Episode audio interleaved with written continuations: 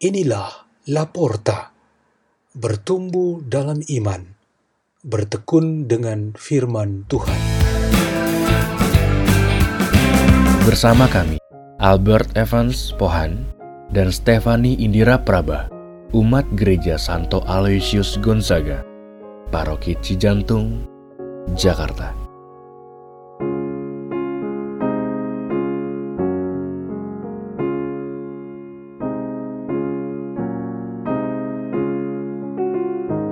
Bacaan dan Renungan Sabda Tuhan. Hari Jumat Pekan Biasa ke-28 16 Oktober 2020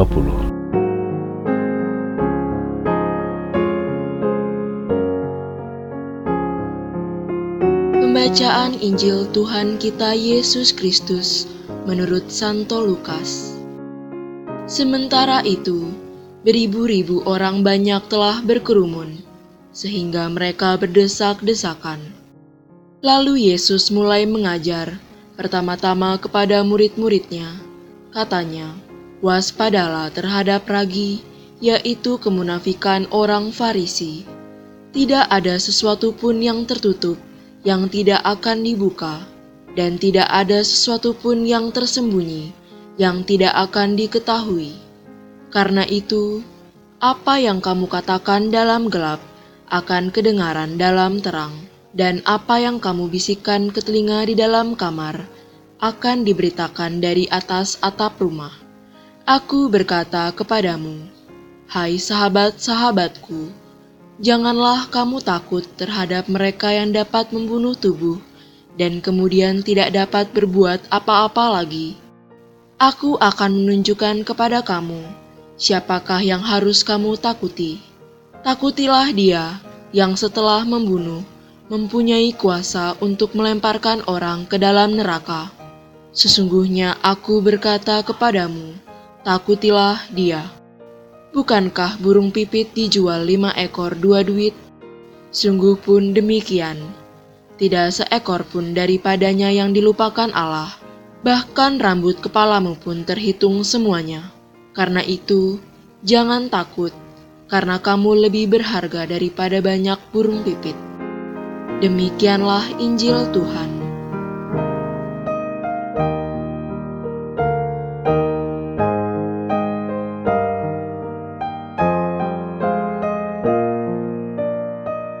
Tema renungan kita pada hari ini ialah Terang melenyapkan gelap. Seorang bocah kelas 5 SD bernama Anto berteriak histeris dan menangis di kamarnya pada saat tengah malam. Ia bermimpi buruk, di mana ia dikejar binatang buas. Bapaknya segera masuk ke kamar, menyalakan lampu, dan menenangkan anaknya itu. Ketakutan Anto perlahan lenyap, tetapi ia meminta supaya bapaknya tidak meninggalkan dia. Bapak harus tidur bersama dia. Anto sungguh menikmati terang yang baru dan meninggalkan mimpi gelap yang menakutkan. Bagi Tuhan dan kekuasaannya yang kita semua imani, kegelapan itu adalah musuh yang harus dikalahkan. Setan dengan segala tipu daya dan kejahatannya adalah bagian utama kegelapan itu. Ada banyak manusia yang mengikuti setan di dalam kegelapan. Namanya gelap berarti terdapat halangan bagi semua indrawi kita untuk melihat batin kita kesulitan untuk melihat secara rohani ketika kepekatan dosa itu sudah sangat berat. Hari-hari ini bacaan Injil dalam liturgi harian menggambarkan begitu tegasnya sikap Yesus kepada orang-orang munafik. Kemunafikan pada prinsipnya adalah suatu pola hidup dalam kegelapan. Munafik yang dalam bahasa Inggris hypocrite mengandung arti aktor, yaitu orang yang berbuat dan menjadi seolah-olah seseorang atau sesuatu tertentu yang bukan dirinya. Yesus melawan sikap-sikap ini, misalnya karena orang-orang itu berbuat dan tampil sungguh baik dan suci untuk dilihat orang, tetapi sebenarnya mereka jahat dan mengkhianat.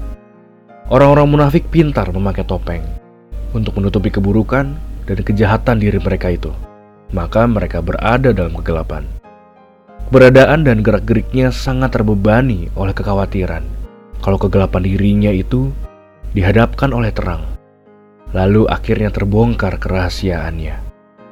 Sebenarnya orang-orang munafik itu hidupnya terbebani dan sengsara. Paling pertama, mereka takut dengan dirinya sendiri kalau pada suatu kesempatan dirinya tidak mampu mempertahankan kegelapan yang melindunginya itu. Di samping itu, ia takut akan orang lain dan Tuhan. Kalau nanti kesempatan itu datang, kebohongan dan kemunafikannya terbuka untuk diketahui umum. Maka solusinya ialah berhentilah menjadi munafik. Karena kegelapan dalam diri itu tidak bisa bertahan selamanya. Tuhan dan malaikat-malaikatnya, termasuk sesama di sekitar kita, ditambah bantuan alat komunikasi kian canggih, pasti cepat atau lambat akan membuka semuanya itu. Santo Paulus di dalam suratnya sebagai bacaan pertama hari ini menegaskan bahwa hidup kita yang dibimbing oleh Roh Kudus adalah hidup dalam terang. Kegelapan menjadi lenyap, dan kita harus mempertahankan kehidupan yang istimewa ini. Marilah kita berdoa dalam nama Bapa dan Putra dan Roh Kudus. Amin. Ya Yesus yang mulia, di bawah bimbingan cahaya kebangkitanmu yang sungguh perkasa, semoga kami selalu memakai cahayamu itu untuk mewartakan kebenaran di dalam dunia ini. Kemuliaan kepada Bapa, Putra, dan Roh Kudus, seperti pada permulaan, sekarang, selalu dan sepanjang segala abad. Dalam nama Bapa dan Putra dan Roh Kudus. Amin. La porta, la porta, la porta.